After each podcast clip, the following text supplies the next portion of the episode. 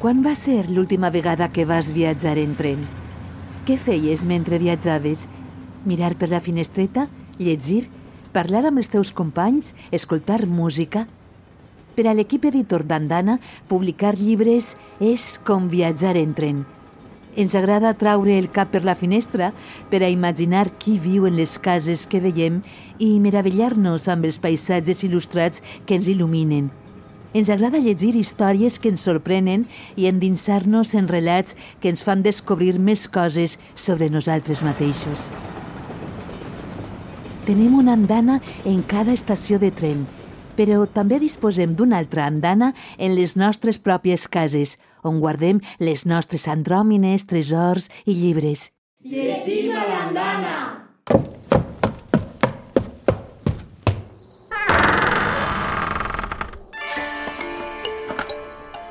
Llegim a l'andana.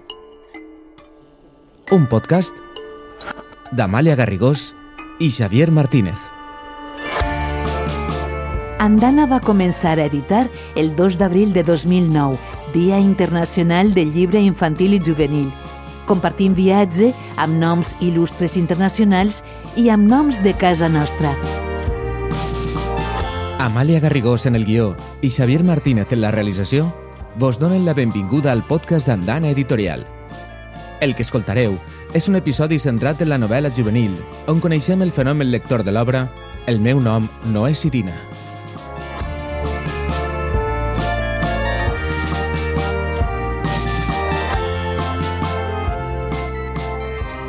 Avui llegim a l'andana amb Xavier Aliaga, que és llicenciat en Filologia Catalana, és periodista des de fa almenys dues dècades, guionista, és, eh, el podem veure i escoltar com a tertulià, com a opinador en diversos mitjans de comunicació, escriptor, nou obres publicades amb reconeixements i èxit de crítica i públic, com se sol dir, membre del Consell Valencià de Cultura. Avui estem així amb ell per una raó. Va publicar un llibre fa, això va ser en el 2013, que es titula El meu nom no és Irina. Un llibre que era per encàrrec de l'editorial Andana i que ja va per la novena edició. Tu això te ho esperaves, Xavi? No, de cap manera. Eh, és que mm, quan eh, Ricard Peris me va fer la proposta, jo pensava que s'havia begut l'enteniment i, i, i conforme en el procés d'edició quan allò agarrava més complexitat i, i diguem que tenia un aire més adult i, i contravenia un poc les normes que, entre cometes, circulaven sobre què havia de ser un llibre juvenil per a que no se perderen, en fi, pocs personatges, poques trames...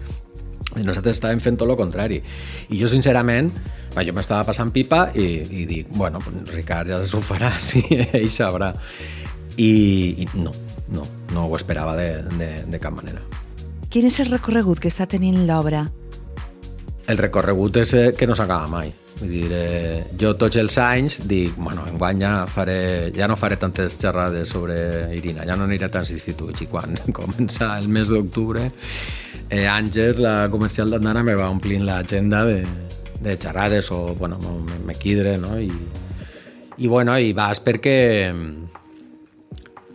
perquè comencen a llegir eh, el, la novel·la els germans de, i germanes des que ja l'havien llegit i, i la veritat és que és, és, és molt flipant tot, no? I com vull dir, estes, estes sobres tenen sempre el perill de que bueno, de que vagin envellint poquet a poquet i esta s'aguanta d'una manera que a mi me, me, me resulta eh, molt sorprenent, la veritat germans que van passant-se les lectures, com els germans Didac i Martina. Escoltem-los llegint un fragment del meu nom no és Irina.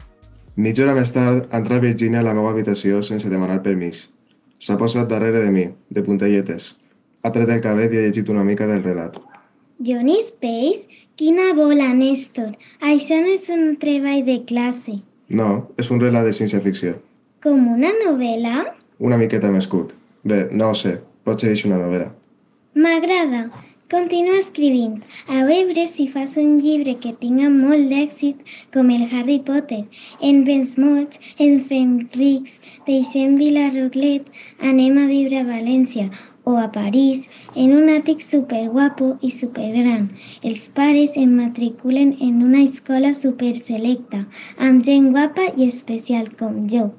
Després estudiaré per a ser actriu o model i em faré superfamosa i diré en televisió que eres el meu escriptor preferit i això farà que vengues més llibres encara. És un pla superguai, Virgi, collonut. A que sí?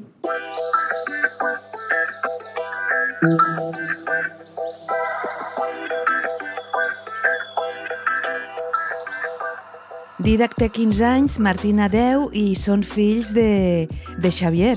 Com, eh, T'han fet crítica a ells d'alguna manera?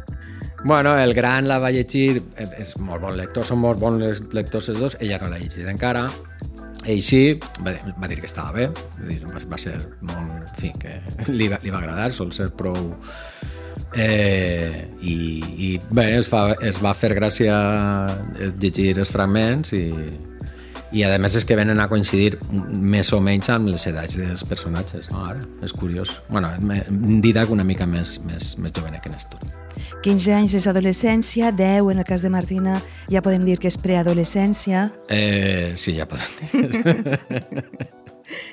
El llibre eh, va adreçat Conta'm un poc la història del llibre, mm. perquè evidentment el, està tenint un èxit apoteòsic entre el públic adolescent i en els instituts i també els preadolescents, però és un llibre que no està pensat només per als joves, no és novel·la juvenil en el sentit estricte. Bueno, és una novel·la un poc... La, la, la gestió va ser un poc estranya perquè, clar, eh, jo quan Ricard Peris me fa la proposta jo li dic, ah, bueno, jo, jo no he fet novel·la juvenil, jo no... Vull dir, n'hi ha codis que no...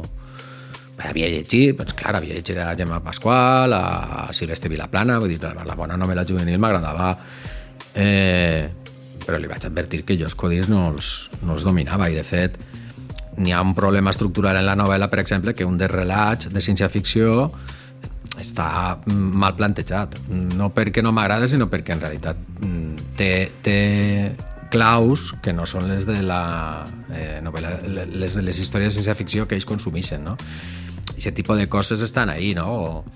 Però sí que té una primera part que, que tracta un poc d'estar en, en, en, en, en el seu llenguatge, en el seu que, és, que es, se desenvolupa en un institut, però quan jo començo a escriure en la segona i la tercera part, jo ja m'estic oblidant de si el lector i la lectora van a tindre 13, 14 mm, o 49. És dir, faig la novel·la que jo crec que, que, que havia de fer. L'editor m'empentava i, i de fet és una novel·la que també jo tenia Eh, bueno, és una novel·la que, que, que és posterior a Vides afinades, que, és, que, que va ser una obra que va tenir un impacte gran i jo no, no volia que despenjar els lectors d'aquella obra. No? I un poc, entre unes coses i altres, vam, vam plantejar això. I això hi ha una estructura final complexíssima. O sigui, estructuralment, el que és això d'una història dins d'una història, que després hi ha un paper que estructuralment doncs, possiblement és la meva obra més, més complexa fins ara, fins, fins, eh, la, fins l'última, que sí que ja té un nivell de, de complexitat estructural molt, molt gran, però esta, dius, bueno, este tenia tots els números per a, per a, no, per a no funcionar. I a on estarà el secret de eh, l'èxit i com any rere any les lectures van repetint-se i són de les més sol·licitades als instituts? Escoltem algun, de, algun integrant dels instituts, hem parlat amb una professora i un professor. Anem primer amb ella. Soc Isabel Juan, professora de Valencià de l'IES9 de Ramador d'Ibi, i aquest curs faig classe a primer, tercer i quart d'ESO. El llibre El meu nom no és Irina, de Xavier Aliaga, el llegim a tercer d'ESO. La metodologia que empre per motivar l'alumnat és treballar el llibre en una de les classes setmanals. En aquestes sessions el que fem és parlar del llibre. En la primera encara no encara que no han començat a llegir-lo, el que fem és parlar sobre la portada, que diguen què pensen que passarà, la relació del títol amb la trama. I després, setmanalment, vaig llegir una sèrie de capítols que comentarem en la pròxima sessió. Treballant-ho d'aquesta manera fa que gran part de l'alumnat participi i practique la nostra llengua. Això motiva l'alumnat perquè se li lleva tota la càrrega que comporta agafar el llibre a casa, llegir-lo, entendre'l i fer un examen. No? D'aquesta manera és com si el llegien entre tots i se li trau molt més de suc. La meva experiència a l'aula treballant el meu nom no és Irina, els cursos passats està gratificant. Per això, en rere any, repetisc, repetim la lectura. És un llibre que sol funcionar molt bé i que agrada a gran part de l'alumnat. Té una temàtica que els enganxa i la manera de contar de Xavier Aliaga fa que la lectura siga amena. Quan l'acaben sempre demanen una segona part. M'imagino que aquests alumnes d'aquest any també i li ho podran dir directament a ell, ja que aquests curs estan entusiasmats amb el fet que l'autor vingui al novembre al nostre centre. Els cursos anteriors aquesta activitat no l'hem pogut realitzar per la pandèmia.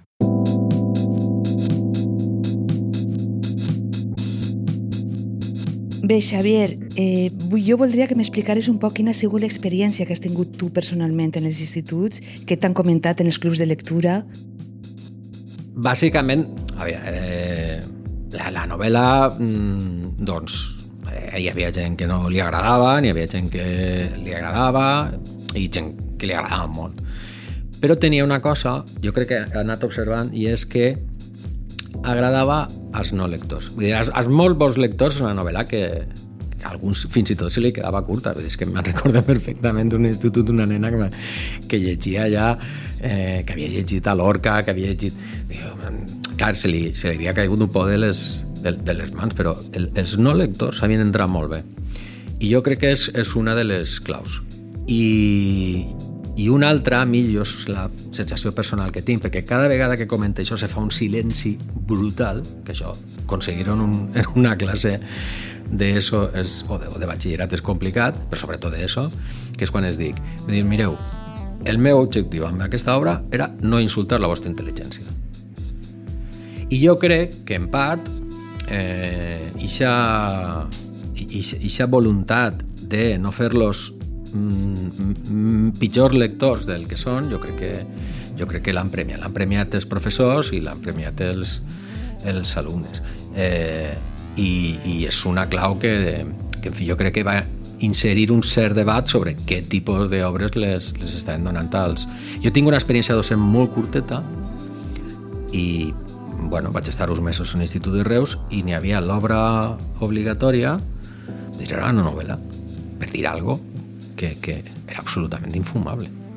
I jo dic, però com és possible? Així no, no, no van a fer lectors en, en la vida, no? Pues, bueno, això ho arxives, eh, passa el temps, te dediques a unes altres coses, però jo crec que eh, aquella experiència, que era curteta, però se, se me va quedar com molt, com molt gravada, no? I, I jo penso que és molt important això, no, no, no insultar la intel·ligència de, dels joves i donar-los coses de certa complexitat perquè, perquè la resposta i el, les nou edicions d'Irina, jo crec que la resposta és bona.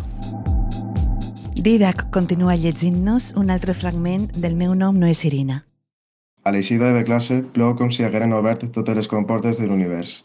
I tot i que no m'aveies tornar tan pronte, perquè ja sé el que hi ha, torno directament a casa. Pam dalt, pam baix, és el de sempre.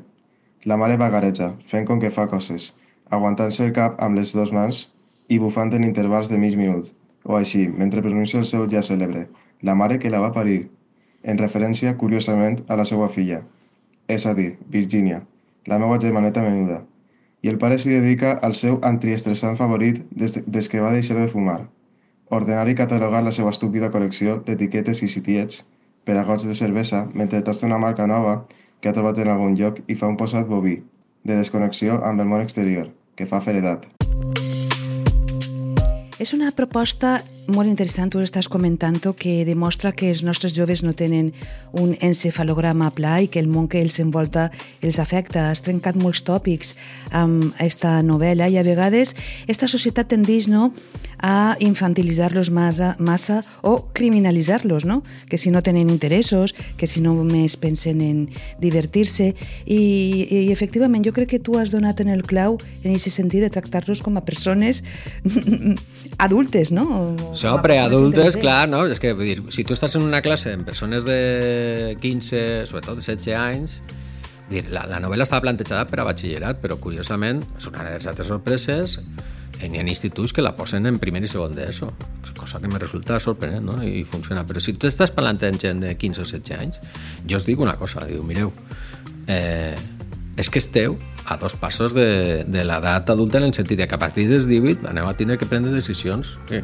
que modelaran les vostres vides, no? personals, professionals, semiprofessionals i, i bueno, jo me, me, me resistisc a tractar-vos com, a, com a xiquets I, i això també és un missatge que ells els, els cala, que, que s'impressiona no? jo crec que jo crec que sí eh, mm, a veure eh, el meu fill ha vist tot Breaking Bad dir, me, me dius que, que va... I clar, se queixa molt de les lectures que... algunes de les lectures que li passen. Clar, eh, això és un aspecte molt interessant que caldria com a mínim reflexionar. No? Quines són les estratègies que s'han de fer servir per a motivar a la lectura? I no, no, no una, prescripció, una prescripció tan rígida com la que hi ha en ESO i en els instituts. Bueno, crec que estan canviant coses. Ara hi ha, hi ha una tendència cap a eh, la prescripció optativa, per dir-ho així, que és es donen opcions a triar. I això jo crec que també és interessant, no? que, que, que ells investiguen i bueno, que busquen els seus interessos. Perquè és molt important que s'enfronten a lectures que els agraden. I no eh, anar a lectures que perquè són fàcils eh, se pensa que enganxaran a... No, no. Si tu fiques més llibres, el que faràs és despenjar els bons, els que podien ser lectors del tema de la lectura. Dir, hi ha un comentari també molt, molt recurrent, és Eh, profe, ens agraden més les lectures en castellà? Això, clar, això no ens ho podem permetre. I, i jo crec jo, que, que Irina un poc ha contribuït a trencar a trencar un poc aquesta dinàmica. El que em preocupa de les nou edicions d'Irina és si no han aparegut suficients obres en aquesta línia saps? Tinc, tinc allò de, de, de dir el, el prurito meu, l'orgull personal molt obert, però d'alguna manera també em, eh, em preocupa que no hagin aparegut mm, moltes més obres que ocupen aquest espai.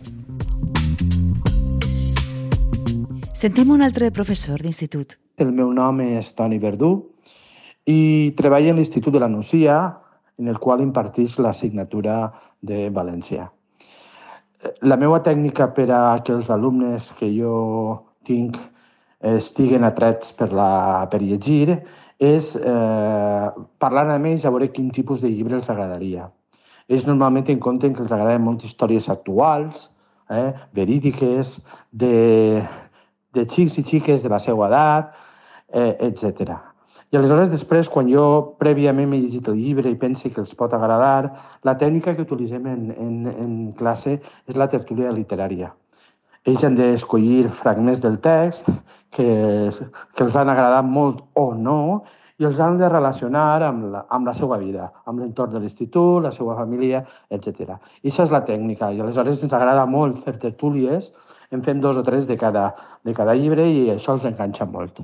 Per altra part, vaig triar el, el llibre de El meu nom és Irina perquè el vaig rebre al departament i em va, em va encantar la portada.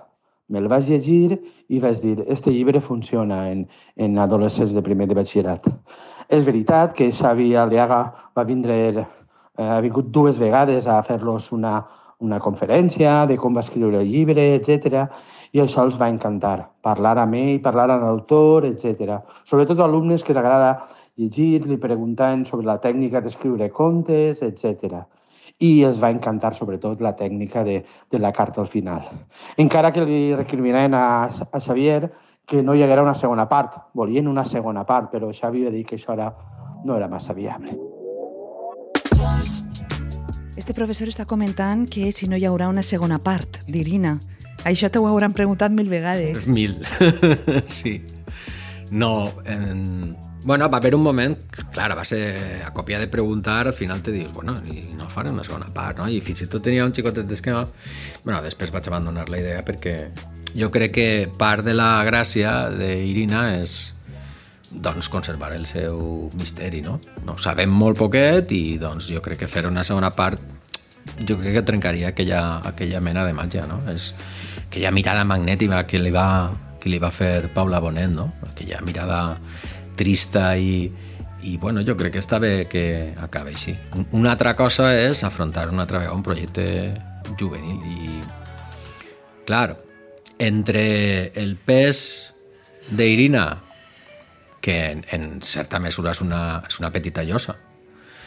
I el fet de que tampoc se m'ha ocorregut cap idea que considere factible o que tinga interès per a mi, doncs no, no, i, bueno, i propostes sobre la taula hi havia, no? mateix andana...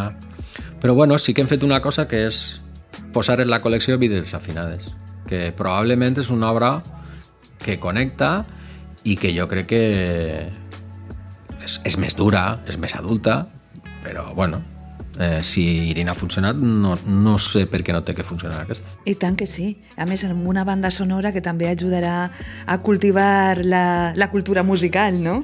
Sí. Este títol misteriós, juntament amb la portada il·lustrada per Paula Bonet, ens atrapa des de l'inici, però si cal saber, si voleu saber quin és el nom real d'Irina, s'ha d'arribar a l'última pàgina on hi ha la sorpresa. En realitat, tu, Xavier, eh, t'agrada reivindicar els finals, sorprendre'ns, no?, o trasbalsar-nos en els finals. Sí, vull dir, no sempre ho aconsegueixes, però jo crec que Mira, eh, eh, eh, ja estem morts a morts, que és l'última novel·la, que és, que és una novel·la que ha tingut eh, també un impacte sorprenent, vull dir, ja va per la quarta edició. Això en adults eh, val per segurament 15 edicions d'Irina. Eh, mm, veu, no seria possible sense, sense, sense Irina. Jo crec que aquella experimentació en un final mm, potent i elaborat eh, me, va, me va servir d'aprenentatge per, a, per a després el que, el que he fet en altres, en altres novel·les. És cert, són finals que t'obliguen a rellegir i a reelaborar mentalment tot el que has llegit anteriorment, no? Sí. Això és molt marca de Xavier Aliaga, eh? Bueno, és marca recent o no tan recent, però sí que... Eh, jo, jo el que no m'agrada és acabar una novel·la i, tancar-la i oblidar-la de seguida. O sigui, si faig això, mm, és que alguna cosa no ha anat bé. Probablement la lectura ha sigut plaent i m'ho he passat bé, però m'agrada que quan acaben les coses la, la portes en el cap, no? I qui diu això diu, eh, ah, productes d'audiovisual, no? les pel·lícules o sèries. Dir, és, jo de, de, de tant en tant em sorprenc pensant encara en, un, en una sèrie que vaig acabar fa temps com, com Ozark, no? Eh, i vaig escriure sobre això i, en fi, arrossegar, que, que, les, que, les, que les lectures i les coses que veus te, te arrosseguen durant un temps, això m'agrada, no? I, és, i ja ara l'intent, sobretot en vides afinades, en Irina en, i en l'última. No? Vides desafinades parlava de cultura musical i en Irina eh, també parlem de cultura literària, perquè ahir introduïssis clàssics de la literatura. Sí, no, ahir, mm, una de les coses boniques que, que ha passat és que ha hagut alumnes i professors que després de Giririna han llegit l'Anna Karenina de, de Tolstoi. No? I això és... Eh, des de les coses que més me satisfà, de veritat, perquè a més tinc una anècdota boníssima, perquè un, va haver un alumne que me va enviar un missatge i ell, he llegit Anna Karenina, jo, molt bé, molt bé. T'he de dir una cosa, de què? És molt millor que Irina. me va encantar, me va encantar. Que fantàstic. Sí.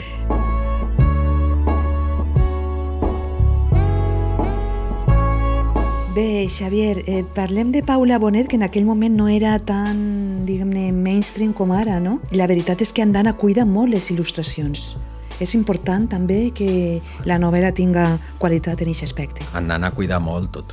I, i clar, eh, segurament ara l'agenda de Paula Bonet haver fet impossible que haver il·lustrat una novel·la nostra, però clar, havia començat en el seu primer llibre il·lustrat en Andana, de nou un altre, un altre de Ricard Peris, que té, té, un, té un olfacte salvatge, eh, i crec que va ajudar que ella havia llegit vides afinades, li havia agradat i aleshores eh, va ser quan va fer aquella la, la coberta que bueno, és, un, és una en l'èxit de, de la novel·la hi ha una aportació brutal de Paula Bonet. Vull dir que és que veus aquella expressió, aquella i tens ganes de llegir. La cultura audiovisual ha d'estar també molt present en els llibres, tu creus, per a captar l'atenció dels joves? Sí, jo crec que és jo crec que és convenient, però tampoc obsessionar-se. Dir, el que has de contar és bones històries i que estiguen ben fetes i que, i que connecten amb el seu univers i ahí entra, evidentment, l'audiovisual, no? Eh, sí que n'hi ha un poc d'això en Irina i en altres novel·les.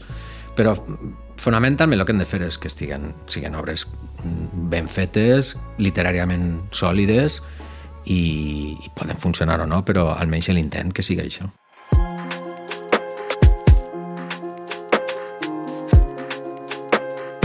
Xavier Aliaga diu al llibre «La vida és això, un grapà de terra que algú el llança als ulls cada cert temps perquè no ens creguem immunes a la infelicitat, el desencís o la ràbia».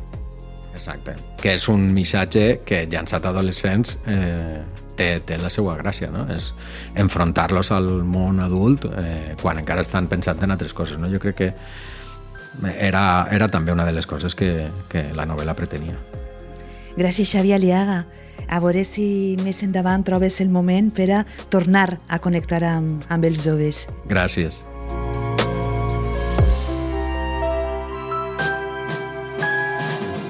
Estem llegint en l'andana i tanquem amb la veu de Didac amb un últim fragment del llibre El meu nom no és Irina. No sé on vaig escoltar, suposo que en una pel·lícula, que hi ha dies que són com el primer dia de la resta de ta vida. En alçar-me del llit i enfrontar-me a l'espill, m'he sentit així. La mare i jo ens hem creuat un parell de mirades carregades de substància, d'un significat dens, com una bassa de fang. Mirades que suposa que han passat desapercebudes per al pare i Virgi, capficats en els seus mons respectius, una despreocupació estranya per a mi, sobretot sabent el que jo sé, el que la mare sap i el que ells, o siga, el pare i Virgi, se suposa que no saben. Hi ha una atmosfera d'irrealitat, com si tot el que m'ha passat, la visió de la mare abraçant-se amb un altre home, que no és mon pare, no haguera succeït mai. Les bones històries t'acaronen, t'abracen, et bressolen, t'arriben al cor. Llegim a l'andana. Una producció d'Andana Editorial realitzada per Amàlia Garrigós i Xavier Martínez. Seguim compartint bones històries en el pròxim episodi.